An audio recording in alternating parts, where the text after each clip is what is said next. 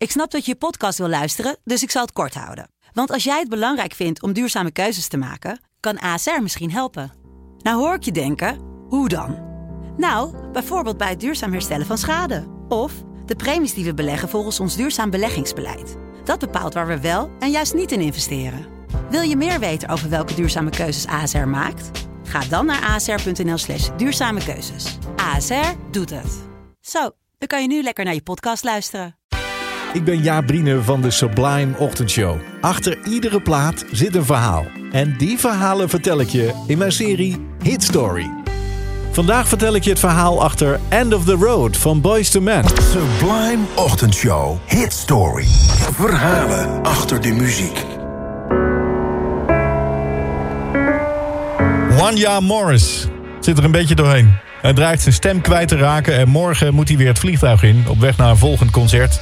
Hij zit hier in Philadelphia samen met zijn drie vrienden. Ze noemen zich Boys to Men. Vier jongens van rond de 20. Mei 1992 is het. En ze hebben al aardig wat succes met hun soul ballads. Een jaar geleden kwam hun debuutalbum uit. En nu toeren ze door heel Amerika. Ze staan in het voorprogramma van MC Hammer. Samen met een ander opkomend bandje trouwens. TLC. En nu zitten ze hier dus in de studio. En ze hebben drie uur de tijd. En dat liedje dat ze op gaan nemen, dat nou, vinden ze eigenlijk ook niet zo heel erg goed.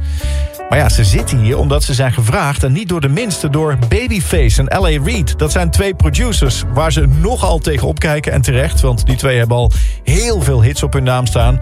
Ja, tegen deze mannen zeg je geen nee. Eigenlijk is het ook een eer om hier te zijn... en om hun lied op te nemen. In drie uur tijd dus. Babyface en L.A. Reid hebben een liedje geschreven voor een soundtrack. De soundtrack van de film Boomerang met Eddie Murphy in de hoofdrol. Babyface had het eigenlijk zelf op willen nemen... maar het lied raakte hem persoonlijk nogal. Het gaat over een scheiding. En Babyface heeft ook net een moeilijke scheiding achter de rug. Want ja, daar gaat het liedje dus over. Hoewel we zijn gekomen aan het einde van de weg... kan ik het nog steeds niet loslaten. Het is onnatuurlijk. Jij hoort bij mij en ik hoor bij jou. Maar Babyface is overgehaald om dan die zangers uit Philly een kans te geven. Alleen ja, drie uur, dat is best kort voor wat ze in gedachten hebben. Daar hadden ze niet helemaal op gerekend. Maar toch, die jongens zijn professioneel. In een paar takes staat het erop. Wanya, die met die hele slechte stem waarmee het verhaal begon... die staat iets verder van de microfoon af. Dan kan hij wat meer kracht zetten en toch zijn noten halen. En uiteindelijk staat het op de band. L.A. Reid gaat vervolgens achter het mengpaneel zelf aan de slag. En snel ook, want die mannen hebben ook een deadline, die producers. Want die soundtrack die moet worden ingeleverd. Hij is de hele nacht bezig om dat nummer af te mixen. En uh, in de ochtend heeft hij een afspraak met zijn personal trainer. Die komt langs. En L.A. weet al, oh, die gaat kwaad op me worden. Want ja, een nachtje doorhalen, dat is niet goed voor je lijf. Maar hij weet een oplossing om hem een beetje te paaien. Uh, die ochtend, als hij langskomt, zet hij die personal trainer achter de microfoon. Wil jij anders even klappen? Ik heb nog wat handgeklap nodig aan het einde van het liedje.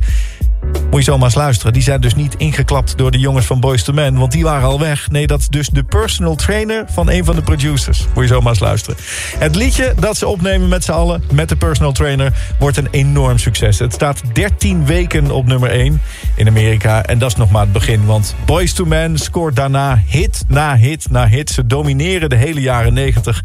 Dus voor deze jongens was het alles behalve the end of the road. We belong together.